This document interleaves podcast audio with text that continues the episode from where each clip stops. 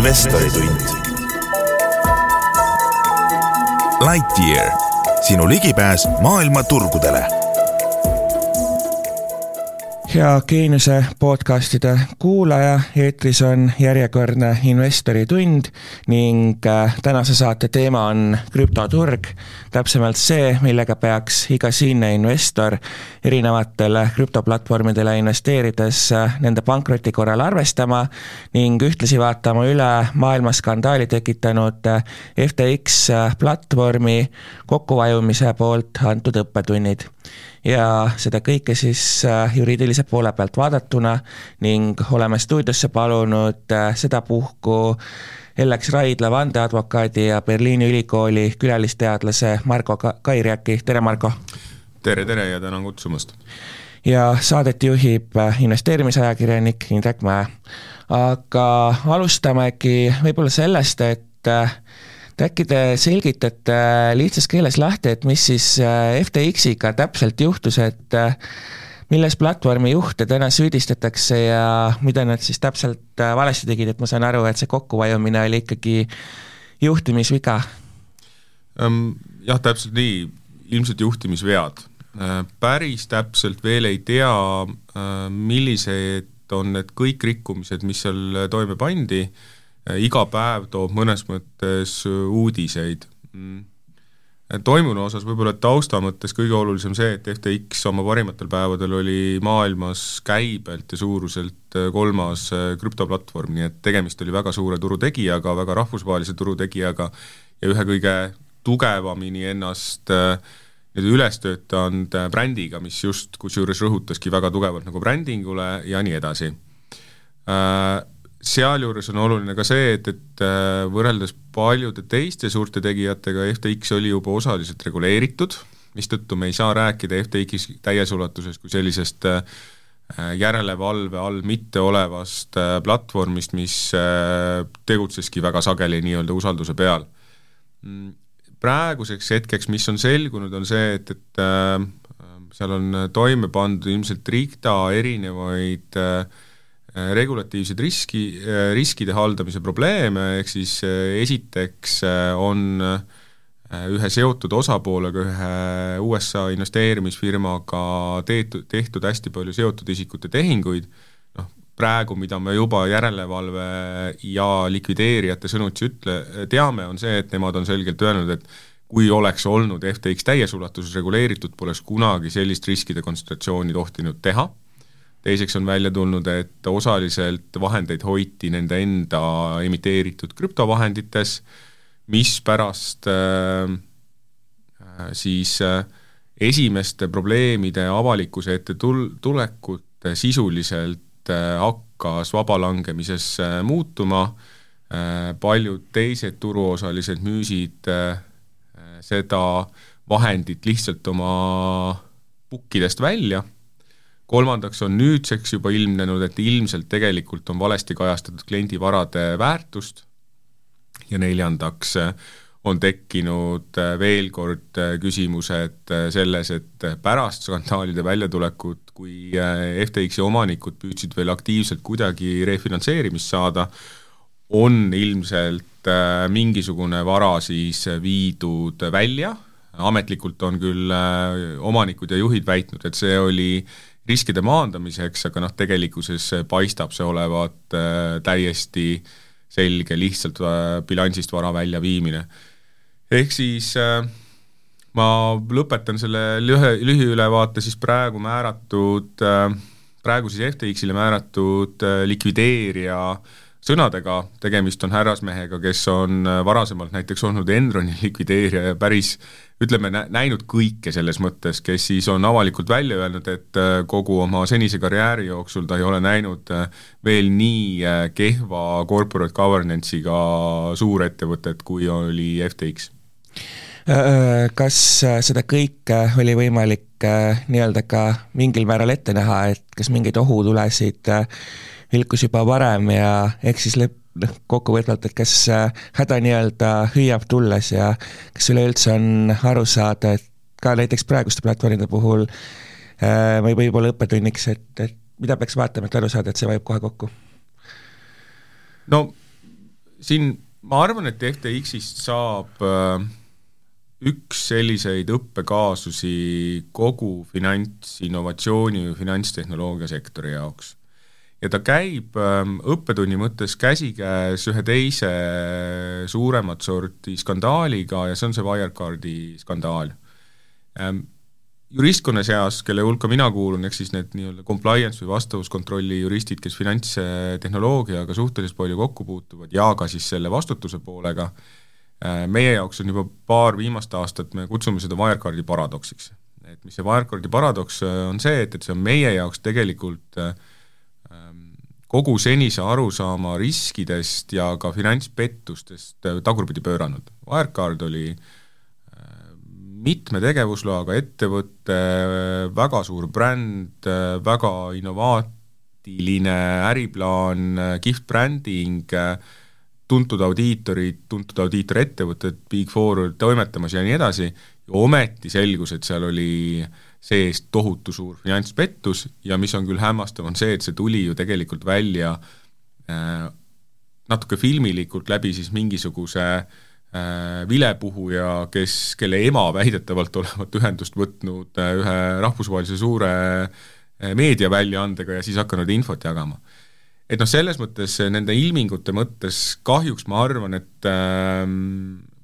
et, et hakkab see link jälle kaduma. Et noh, et raske on öelda, et see you could see it coming inglise keeles aga jah, ei saa salata, et FTX-i puhul äh, neid äh, erinevaid küsimusi oli juba varasemalt äh, nii nende portfellihalduse osas kui ka riskijuhtimise osas, aga aga otseselt nagu ei saa öelda, et et, et mingid implikatsioonid probleemidele viitasid, tulenevalt juba sellest, et see sektor ise on ikkagi oluliselt alareguleeritum kui midagi muud. Noh, seda enam, et tänasel päeval me räägime ühte juttu kui näiteks eilsel päeval, sest et äh, eile õhtul äh, tuli avalikuks ju USA-s äh, Coindeski suhtes USA järelevalve poolt kohaldatud kas või sada miljonit dollarit trahv, täiesti jäi kuskilt, keegi otseselt ette ei osanud seda näha, etteheide on juba väga selline pangalik, ehk siis äh, Äh,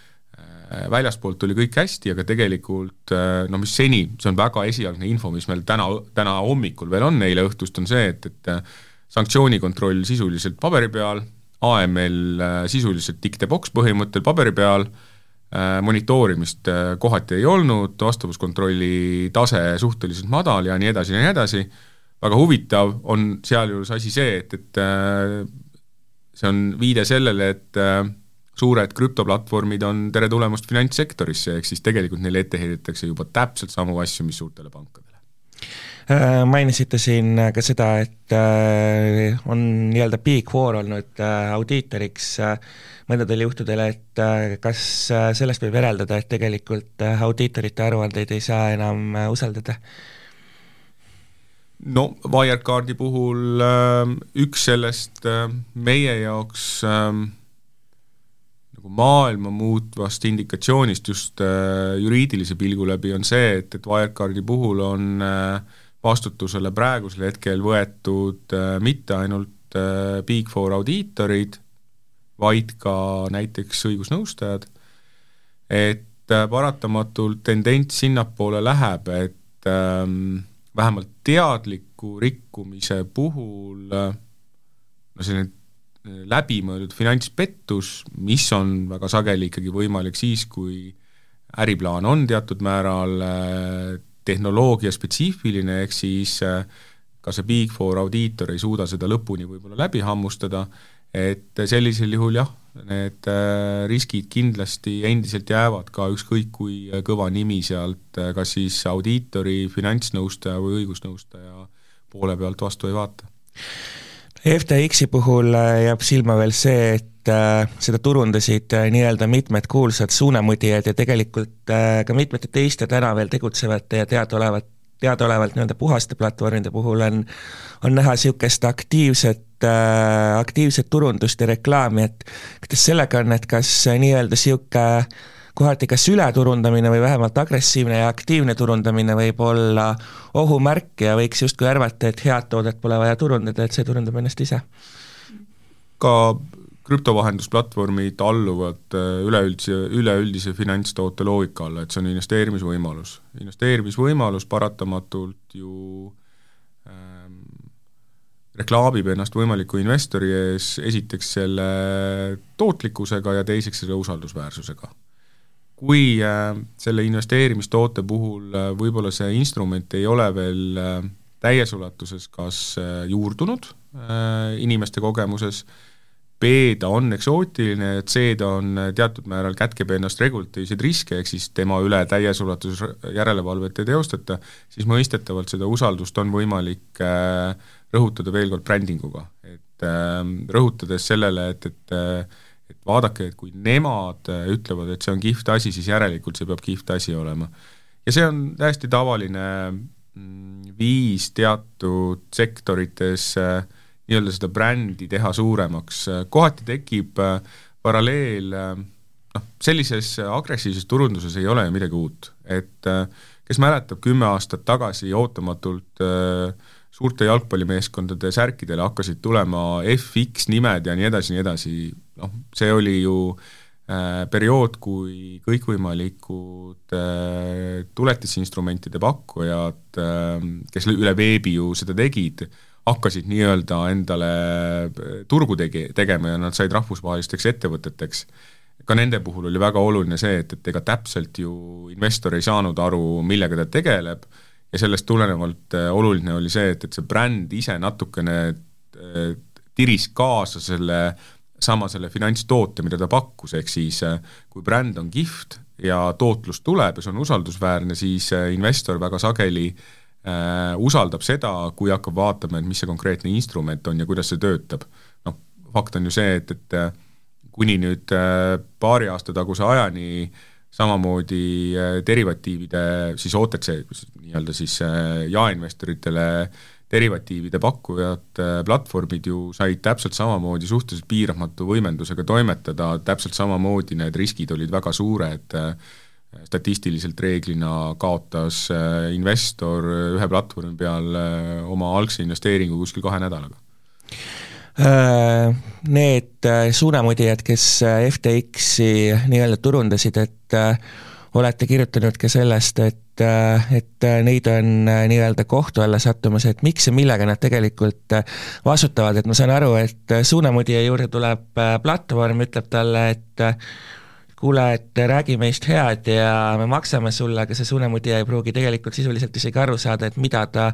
turundab, et kuidas teda sel juhul vastutusele saab võtta? noh, objektiivselt võttes on ju, kui tegemist on pettusega või finantspettusega, siis äh,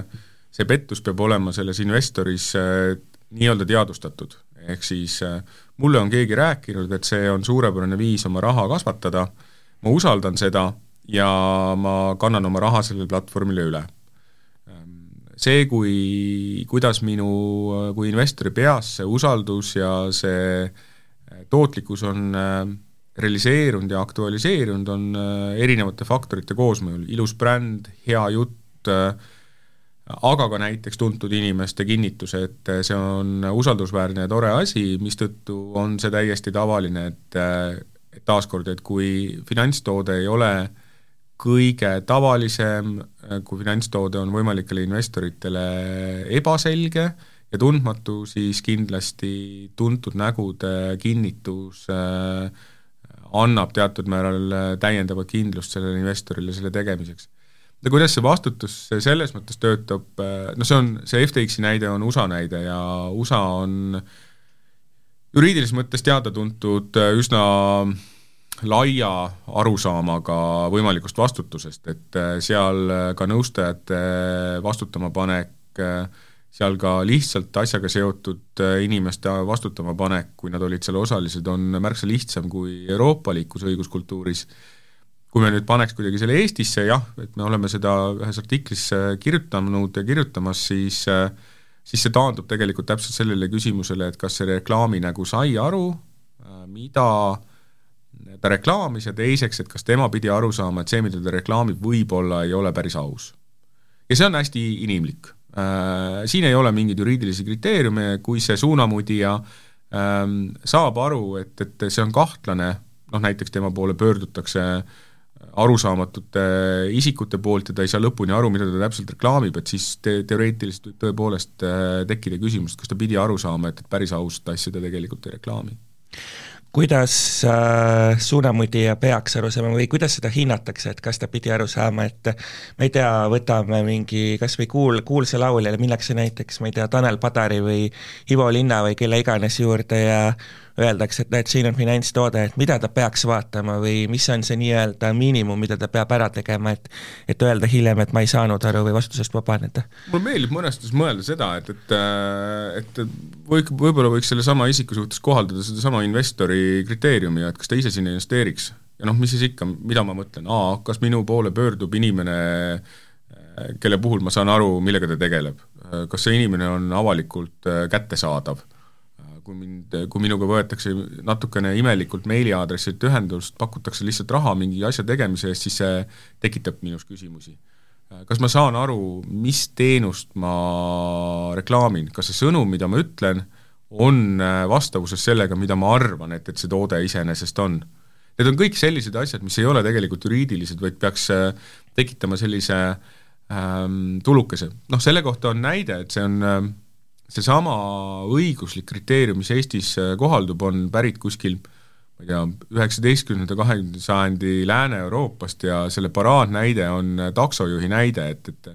kui mul, kui mul tellitakse takso panga ette ja sinna jook-, sinna siseneb neli äh, inimest maskides, joostes suure kotiga, et kas ma siis taksojuhina pean, pean, pean aru saama, et võib-olla see nagu päris tavaline klientuur ei ole, et, et et huvitav, miks nad maskidega tulid, miks nad jooksevad ja mis neil kotis on. et noh, see on see ilmne olukord, kus ma tegelikult sellisel juhul taksojuht pannakse vastutama, sest ta peab aru saama, et see on nagu päris adekvaatne, nii-öelda sotsiaalselt adekvaatne olukord ei ole siin on üks pool see, et äh, suunamudijal on vastutus, aga teisest küljest äh, äh, investorile endale peaks ka jääma mingisugune vastutus, et üldprintsiip vist võiks olla see, et et usalda ainult iseennast, mitte seda, mida ükskõik kas sõber või kuulus inimene sulle ütleb. jah, nii see on, kuigi ega selles mõttes ma ütlen ju veel kord, et selline, et, et praegu väga paljud need tooted, millest me oleme rääkinud, on nagu juriidilises mõttes nii-öelda hall kapitaliturg. Selles, et ta nimi on hall, ei ole mitte midagi halba. hall kapitaliturg on see osa investeerimisvõimalustest, mis on äh, kellegi poolt järelevalveta, äh, ta on riskisem, aga mm, samal ajal on ta, pakub võimalust võib-olla investorile, kes on äh, ütleme, seitsekümmend protsenti oma investeeringutest investeerinud väga sellistesse mittevolatiilsetesse instrumentidesse, siis ta võimaldab selle kolmekümne protsendiga mingisugust tootlust kogu portfellis, mistõttu äh, selles mõttes äh, see on teadlik risk, aga sellega peab jah, tõepoolest arvestama, jah. Äh, no Eestis on veel üks äh, huvitav nähtus, millest Äripäev on tegelikult siin viimastel aastatel päris palju kirjutanud, see on investorite liit ja ja ka siin on olnud erinevatel aegadel tuntud nägusid taga, et et kuidas te seda investorite liidu teemat tunnetate, et esiteks, kas seal on nagu äh, midagi suurt ja kahtlast ja kas äh, selle puhul äh, suunamudijad nii-öelda saavad seda ette näha või pigem mitte? no siin on kaks asja, et, et esiteks Investorite Liit äh, oma olemuselt on täpselt samamoodi natukene alternatiivne, mittekonventsionaalne investeerimisvõimalus. ja kohe see kätkeb endaga teatavaid täiendavaid riske selleks, et äh, ta suudaks investoreid kaasata, ta peab olema võib-olla oma sõnumites natukene ekstravagantsem, natukene agressiivsem, see on täiesti tavaline, aga noh, järgmine samm on see, et, et äh, kas seal taga võib olla mingisugune finantspettus, seal võib olla ebaõigete andmete esitamine, see on järgmine küsimus, reeglina sellistel juhtudel, kui see on pettus, on see turundus veel agressiivsem, noh, kes mäletab äh, neid äh, veel paar aastat tagasi õhtuti vaatasite hilja telekat ja kus alles algas mingil hetkel äh, väga värviliste piltide tulek erinevate, erinevate siis äh, äh, hoiulaenuühistute reklaamiks äh,, mis olid väga agressiivsed, väga kirjud. et noh, ehe näide, hiljem on nüüd ju selgeks saanud, et mõned need reklaamid äh, ilmselgelt äh, varjasid äh, püramiidskeemi ehm,, noh, mis, mis seal, mis need õiguslikud järelmid on, mis nendest asjadest saavad, need on pooleliolevad asjad, parem ärme sinna väga detailidesse mine, aga jah, nii see on, et kui teatud juhtudel väga agressiivne äh, Äh, bränding ja väga agressiivne reklaamikampaania võib omakorda varjata siis mingisugust võimalikku täiendavat riski.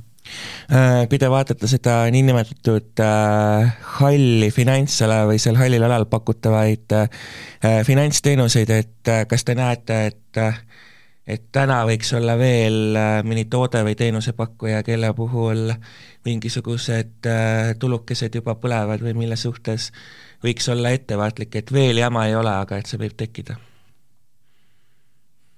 ma arvan, ma ei näe midagi väga uut tulemas, et äh, meil on, äh, meil on äh, iseenesest need varaklassid on siin olemas, mille puhul on olnud probleeme, aga on ka juba väga usaldusväärseid turuosalisi, et noh, kui nii mõelda, siis meil on kolm sellist alternatiivsemat varaklassi, mis on Eestis levinud, on ühisrahastus, on hoiu-laenuühistud ja siis on krüptoinvesteeringud. et nendes kõigis kolmes on juba olnud äh, meil erinevaid äh, probleeme äh,, küll kõige paremini on läinud ühisrahastusel ja see on suuresti Eesti spetsiifika, meil on lihtsalt, me oleme Euroopa absoluutsed liidrid ühisrahastusplatvormide osas, noh siis Eesti suurust arvestades Äh, meil on väga tugevad platvormid, kes on ju tegelikult toimetanud kõik need aastad äh, ilma igasuguste reegliteta. noh, kui nii võtta, et neil pole üldse reegleid olnud ja arvestades seda, et, et kui seal on olnud mingisuguseid probleeme mingite investeeringutega, siis need on suudetud reeglina platvormi enda poolt suhteliselt sujuvalt veel lahendada, siis selles mõttes on kõik väga hästi seda enam, et, et ühisrahastuse puhul ju aasta pärast äh, alluvad nad enamuses kõik äh, Euroopas ühtsele reeglistikule. täpselt sama tegelikult, kui me nüüd sellest reeglistikust räägime, me jõuame krüptoplatvormini, aga selles krüptosektoris muidugi arvestagem seda, et, et,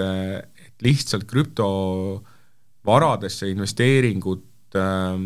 peab käsitlema väga erinevate varaklassidena et ka ajalises mõttes meil on olnud ICO buum, ehk siis emiteeriti mingisuguseid vahendeid, meil on siis nüüd mingisuguse, mingil hetkel praegu ilmselt käib ka siis kauplemisbuum, ehk siis äh, suured platvormid, kes võimaldavad noh, täpselt samamoodi nagu kümme-viisteist aastat tagasi olid uued turuosalised, kõikvõimalikud derivaatide pakkujad, siis nemad pakuvad äh, selliseid võimalusi ja noh, kolmandaks on siis veel äh, täiendavad varaklassid, äh, mingil hetkel tekkinud NFT-de buum, aga noh, selle varaklassi selline rahaline tähendus on võib-olla nagu investeeringu mõttes väiksem. Äh, ka seal ju aasta pärast või kahe aasta pärast tuleb Euroopa Liidu ülene reeglistik, mis peaks seda turgu no ma ei taha kasutada sõna korrastama, küll aga vähemalt tekitama selgust, et kes mis reegleid peaks täitma ja noh, ja siis on meil kolmas, on hoiu-laenuühistud, mille puhul äh, tegelikult need probleemid on juba tulnud ja eks ootame ja vaatame, mis, äh, paljud neist asjad, asjadest, nendest, nendest kaasustest on tegelikult veel üsna algusfaasis ja ootame-vaatame, mis, mis sealt turult tuleb, aga ma saan aru, et ka siin on mingisugune korrastamise plaan olemas, noh, eraldi küsimus on see, et, et et kas, kas sellega on jäetud juba natukene liiga hiljaks? üks äh, huvitav äh, paradoks, mis igasuguseid äh, platvorme nii-öelda iseloomustab, on see, et äh, et kõik räägivad, et justkui et nad on kõigest vahendajad ja millegi eest äh, vastutada ei taha ja teisest küljest, kui vahendajaga midagi juhtub, siis kaotavad investorid oma vara, et kuidas see nagu võimalik on, et, et vahendajast nii-öelda Äh, sõltub see, et kas, äh, kas investorite vara säilib või mitte, et vahendaja peaks ju selle kuskile turvalisse kohta edastama lihtsalt ja, ja nii edasi. Ähm, jah, tõepoolest, siin on suur vahe. Äh, kui see vahendaja oleks allutatud mingisuguse reeglistiku alla, ta oleks tegevusloastatud, siis nii Euroopa tasemel kui ka näiteks USA tasemel, see tähendab seda, et, et sul peab olema mingisugune tagatiste skeem ja ka krüptovaldkonna reguleerimisel siin on juba vahet, et kui te teete selle, seda läbi äh, platvormi, mis on äh, kas siis mingisugust investeerimisteenuse osutamisluba äh, omav või siis mõnedel juhtudel juba pank või siis noh, pank, kes koos partneriga seda osutab, siis on suur tõenäosus, et investeeringud vähemalt mingis osas on kaetud ja nii-öelda ka seda vara, mida hoitakse vahendajana, hoitakse kindlas kohas, et selle saab kätte. kui kasutada platvorme, mis ei ole tegevusloastatud, siis äh, selle mm, vara hoidmine turvalises kohas on äh, põhimõtteliselt ju ainult lubadus selle platvormi poolt, kas see peab, on äh, eraldi küsimus ja see selgub kahjuks alles siis, kui kui võib-olla liiga hilja, jah? Äh, saan õigesti aru, et platvormi äh, riski maandamiseks siis äh, tulebki vaadata, et kas sellel konkreetsel platvormil on litsents või, või tegevusluba ja, ja või siis teine alternatiiv, et krüpto puhul siis tehagi otse ise endale krüptorahakotti ja jätta vahendaja lihtsalt välja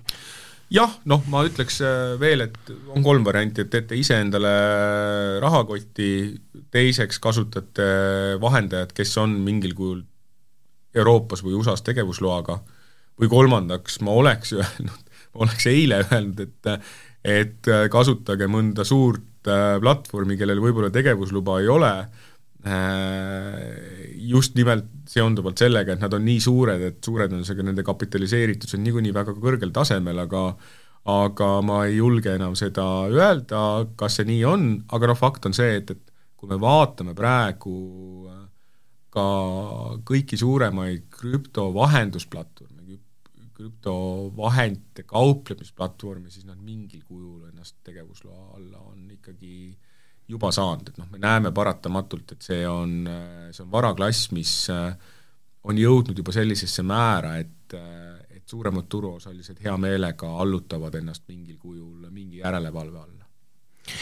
Eesti konteksti tulles siis äh, üks äh, krüptovahendajaid on meie enda kodumaine pank LHV, kelle vahendusel siis äh, igaüks saab erinevaid krüptomünte soetada, et et kuidas see mehhanism täpsemalt toimib, et et investor teeb korralduse ja siis pank ostab justkui oma rahakoti münte või või ja, ja hoiustab neid kusagil või või, või, või kuidas, kuidas see toimib? no panga puhul äh, see reeglina tähendab seda, et ta peab seda käsitlema ta oma tavalise investee-, nii-öelda tavalise investeerimisteenuse osutamisena, ehk siis ta sisuliselt peab täpselt sama kaitset äh, andma sellele krüptost huvitatud panga kliendile, kui ta investeeriks ükskõik mis muusse varaklassi. et äh, nii see tagatud on, tehnilises mõttes on see veel selles mõttes detailselt reguleerimata, et see on panga eraldi otsus, kas ta hoiab seda raha usaldusväärse kolmanda isiku käes aga just või, või siis ta hoiab seda raha ise sisuliselt või seda krüpto, krüpto nüüd tuleb, ei saa öelda krüptoraha, sest et äh, uue Mika valguses me peame rääkima kogu aeg krüptovaradest. Et äh, mis on tegelikult hea mõiste, et äh, kas ta hoiab seda ise, et see kõik on tehniline, aga ta põhimõte on see, et, et see vara peab olema kindlas kohas ja sellega ei tohi midagi juhtuda. LHV partner krüptovarade vahendamisel on Bitstamp, et et äh, mida teile see Bitstamp ütleb, kui usaldusväärne see on ja ja kas LHV kliendid võivad äh, olla kindlad, et, äh, et nende investeeringute puhul siis nii-öelda vahendaja risk puudub? üks suurimaid turuosalisi. kuna tegemist on pangaga, siis ka siis see tähendab ka seda, et ka oma partnerite valikul peab pank lähtuma märksa karmimatest reeglitest, ehk siis see on tema jaoks justkui vastaspool, ka mingite muude tehingute puhul ta peab vastaspoole valikul seda tausta kontrollima, mistõttu äh, on see eeldatavasti tugevalt kapitaliseeritud, usaldusväärne ja adekvaatse riskijuhtimismehhanismiga turuosaline. aga noh, veel kord, äh, arvestades eilseid uudiseid, siis äh, ega ju, ega me midagi ei tea, mis tuleb, aga võib-olla see on äh, see on vastupidi täpselt selle Coindeskiga juhtunu, on mõnes suhtes võib-olla hea näide, mis näitab seda, et ka need eh, suured vahendajad, noh, kas või seesama, keda LHV kasutab, muutuvad üha rohkem ja rohkem sellisteks tavalisteks natukene igavateks ja ontlikeks finantsteenuse osutajateks, kellel peab olema adekvaatne rahapesu tõkestamine, pettuste vastane võitlus, riskijuhtimine ja depositoorium. No mainisite, et Bitstamp on üks suuremaid turuosalisi, et tegelikult sai mingil hetkel saame öelda ka FTX-i puhul, et et mille poolest siis Bitstamp ja FTX erinevad oma, nagu omavahel? raske vastata ainukene vahe võib-olla tõepoolest on see, et Bitstampi puhul see, ta ei ole niivõrd jaele keskenduv. FTX oli väga selgelt jaeinvestorile keskenduv, Bitstamp on ka teadlikult võib-olla minemas sinna segmenti, mis nüüd tekib seonduvalt sellega, et, et üha su-, suurem osa nii-öelda traditsioonilisi finantsteenuse osutajaid, pangad, natukene ka suuremad mingisugused äh, investeerimisühingud äh, vaatavad krüpto kui varaklassi poole, noh pakkudes siis reeglina küll äh, mingisuguseid derivatiive äh, krüptopõhiselt, ähm, ja sellest tulenevalt on tekkinud eraldi segment turuosalistest, kes tegelikult nii-öelda jaeinvestori poole ei vaatagi, vaid pigem on see usaldusväärne võrdne vastaspool siis sellele finantsteenuse osutajale, kes selle jaekliendi tegelikult ära manageerib ja teenindab. LHV ise on kinnitanud, et näiteks kui äh, Bitstampiga midagi juhtub, liiguvad äh, investorite varad äh, teisele krüptobörsil edasi, et et mis on selle eelduseks või et miks võib olla kindel, et Bitstampi puhul see niimoodi toimib ja ja miks näiteks FTX-i puhul see niimoodi ei toiminud? no siin ongi kaks asja, et, et FTX võttis klienti otse sisse Äh, Bitstamp teeb seda läbi LHV, mis tähendab, et äh, mõnes mõttes on topeltkontroll, ehk siis Bitstampi enda riskijuhtimine, LHV puhul LHV enda riskijuhtimine äh, ja mingis, mingil kujul siis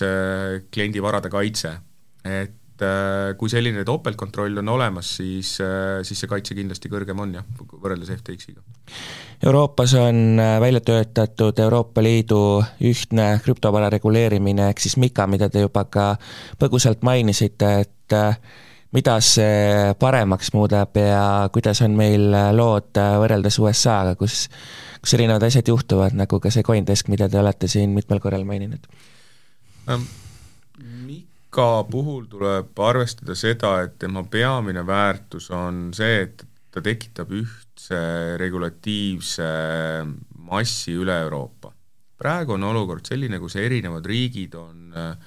väga erinevaid positsioone võtnud erinevate krüptovarade osas. on riike, kes äh, on mingisuguses need täies osas keelustanud, on riike, kes on püüdnud sisse viia mingisugust äh, tegevusloastamisrežiimi ähm,, arvestame seda, et, et äh, krüptovaradega seonduv on ka nüüd väga mitmetahuline, me räägime mingisugust finantseerimisest, ehk siis ICO-laadsetest asjadest, räägime krüptovaradest, mis äh, mis on äh, hoopis mingisuguse tehnilise sisuga, kolmandaks me räägime tegelikult turust, mis on nüüd klassikaline kauplemine või noh, tegelikult ju spekulatiivsetel eesmärkidel ähm, toimetatav varaklass. Mika loob ühtse raamistiku, ta reguleerib avalikku pakkumist äh, krüptovaradega seonduvalt, äh, seades siis teatava kohustuse mingit teavet esitada, ta loob ühtse Euroopa Liidu ülese tegevusloastamise režiimi, Äh, mis on äärmiselt tervitatav äh, üle Euroopa tasandil, ja kolmandaks toob ka selguse erinevatesse riskijuhtimismeetoditesse, noh täpselt, et ära hoida suuremate turuosaliste puhul mingisuguseid äh, likviidsusprobleeme ja krahhe. Ähm, kas see, kas, kas Mika oleks ära hoidnud FTX-i, siis võrreldes siis noh, võrrelda USA-d, siis ma arvan, et mitte tulenevalt sellest, et äh, no täpselt, nüüd me oleme selle Wirecardi näite juures. Wirecard oli ju täpselt samamoodi Euroopa ülese reeglistiku all, Euroopa Liidu üleselt reguleeritud, juba üsna sisse töötatud äh, tegevusluba, vist makseasutuse tegevusluba vist täpsemalt või oli osaliselt ka seal e-raha, seal oli mitu, jään vastuse täpselt võlgu, aga noh, sisult see ei muuda, kõik oli olemas, aga juhtus selline asi, mistõttu äh, ei hoia ükski reegel ära tulevikus mingit teadlikku rikkumist. Ja see on paratamatus. Igasugused äh, regulatsioonid tähendavad äh, tõenäoliselt täiendavaid kulusid, et kes selle kõik kinni maksab, et kas äh, vahendajad või, või juhtub ikkagi paratamatult nii, et see jõuab lõpptarbija ehk siis selle, keda kaitstakse rahakotti, ehk siis see kajastub negatiivselt investori tootluses? kindlasti ähm,, kindlasti. juba Mika tood-, toodavad garantiid, anna täpset infot, hoia tagatisi, kaitse kliendi vara äh,, implementeeri mingit riskijuhtimismehhanismi ja nii edasi, see kõik on kulu ja lõppastmes äh, see tähendab seda, et äh, et toimub, ka Mika toob kaasa ka krüptovarade seas nii-öelda, no see on selline mõiste nagu igavustamine. Ehk siis äh, see volatiilsus äh, kaob tulenevalt sellest, et kindlasti piiratakse mingil kujul riskikäitumist siis positsioonide võtle, võtmisel, ehk siis väga volatiilseid positsioone enam vähemalt Euroopa Liidu teenusepakkuja kaudu võtta ei saa ja lõppastmes see tähendab seda, et, et kaob tootlus ja lisanduvad mingid kulud. Äh, Mika raames on räägitud ka Bitcoini keelust ehk äh, proof of work süsteemide keelueelnõust, et äh, viidatud siis seejuures märkimisväärse energiahulga kasutamisele, et saan aru, et see vist lõpuks ei läinud läbi või mis sellest saanud on? jah, märtsis ta Euroopa Liidu tasandil jutuks oli. Äh,, läbi ta ei läinud, hea näide sellest, kus Euroopa Liit lõpuks sai ka aru, et äh, krüptovarad on täiesti eraldiseisev varaklass, on tekkinud tugevad turuosalised, kes äh, on äh, vägagi viksid, viisakad, on võimelised väga hästi Brüsselis ka lobistama, kui vaja, ja läbi ta ei läinud, ei tea, mis tast praegu saanud on, võimalik, et Euroopa Liit natukene vaatab USA poole, USA-s nüüd novembris oli see jälle jutuks aga ka ta jäi ka jutu tasandile, äh, küll arvestagem selle väga selgelt nagu poliitilise asjaoluga, et üks neid eeskõnelejaid, kui ma õigesti mäletan, oli Rootsi. Äh, Rootsi on nüüd Euroopa Liidu eesistuja, mis muidugi ei või tähendada, et, et ta toob selle agendasse uuesti, aga vähemalt kui ma nüüd eile õhtul vaatasin, kas äh, eesistumise raames on see agendasse nagu toodud, ma seda ei näinud. Äh, kuidas mõjutab äh, see uus regulatsioon krüptokaevandajaid? mis nende jaoks muutub? see mõju on minu hinnangul äh, suhteliselt vähene, et ta, see Mika peaasjalikult puudutab ikkagi seda, seda kauplemise poolt ja siis finantseerimise poolt läbi krüptovahendite äh, tekkimise ja emiteerimise, mistõttu Mika ei ole kaevandamise osas nüüd äh, otseselt äh, suunatud. siin äh, on kõlanud päris palju ka seda, et Mika raames Eesti kaotab justkui oma konkurentsieeliseid Euroopa krüptoturul, et kuidas teie seda näete? on meil üldse konkurentsieelis kunagi olnud? Eesti on äh, ma arvan, et sellest võiks tulevikus sellised regulatiivse õiguse teadlased kirjutada üsna mitu head raamatut. et me, me oleme selles ähm, krüptovarade teenuse pakkumises olnud sees, aga me pole täpselt justkui nagu aru saanud, et kui, et noh, et, et kui sees me oleme ehk siis äh, me oleme väga hektiliselt seda reguleerinud, läbi mõtlemata, me kindlasti mingil kujul ju siis aastaid tagasi ICO-buumis olime Euroopas tegijad, äh, siis me tõmbasime sellest tagasi, meil ei ole tegelikult ühtegi ilusat success story't sellest tuua. siis mingil hetkel me hüppasime äh, äh, isegi rongi peale, mis ei olnud veel startinud, vaid me olime depoos juba, leidsime ühe rongi, mille peale me hüppasime ja hakkasime pakkuma äh, siis äh, rahakotiteenuse ja siis vahetus, äh, ehk siis exchange teenuse puhul äh, tegevuslube. ausalt öeldes keegi väga neid isegi ei oodanud, neid hakatakse pakkuma, kuna me hakkasime, siis enne seda, kui see rong sõitma hakkas, me olime juba paar nagu tegevusluba välja andnud siis mingil hetkel me saime aru, et vups, et, et tegelikult me oleks pidanud riske hindama, siis me tõmbasime selle maha. me oleme sellega ennast Euroopas üsna naeruvääristanud oma läbimõtlemata tegevusega ja noh, me oleme praegu äh, ju olukorras, kus äh, meil oli hea maine antud valdkonnas, aga praegu meil on natukene sama maine nagu Küprosel nende samade derivaatide turul ehk siis Küpros mingil hetkel andis hästi palju MIFID-i alusel neid investeerimisühingu tegevuslubasid, aga siis mingil hetkel sai aru, et oi, et riskid on nii suured, et, et, et paneme need hästi kinni, noh, sama on natukene toimumas Leedus teatavate tegevuslubadega, nad turundasid hirmsasti, et tulge tehke oma fintech siia, nüüd said aru, et kurjam, et see tähendab seda, et me peame tegelikult aru ka saama, mis nad teevad. noh, Eesti on veel mõnes mõttes äh, üles-alla käitunud. et ma ei ol-, ma ei julge tegelikult öelda, et meil üldse mingi eelis on. Mida ma julgen öelda, on see, et, et ma ei välista seda, et, et Mika võib olla meie jaoks äh, restardi võimalus. meil on ju tegelikult see turuteadmine olemas meil on see tehniline know-how ka väga tugevalt olemas, meil on väga kihvtid mõned äh, IT-lahendused, mis me oleme selle peale teinud. et võib-olla võiks olla see hetk, kus me nüüd püüame uuesti hüpata rongi peale, aga seekord juba teades, kuhu see rong sõidab äh, ja ostes ka tagasipileti aga noh, see on, ma arvan, selline aasta-kahe küsimus, et äh, see on väga ki-, selgelt kinni ka selles, et mida riik praegu otsustab. Kus me tahame olla, kas me tahame rohkem teenuse, kas Eestis, tegelikult me peame enda jaoks poliitilisel tasandil ja ka turu tasandil läbi mõtlema, et mis ulatuses Eesti tahab olla turuliider, mitte ainult Euroopas, vaid maailmas. kas me tahame siia teenuse osutajaid, kas me tahame siia paari suurt äh, litsentsi, näiteks noh,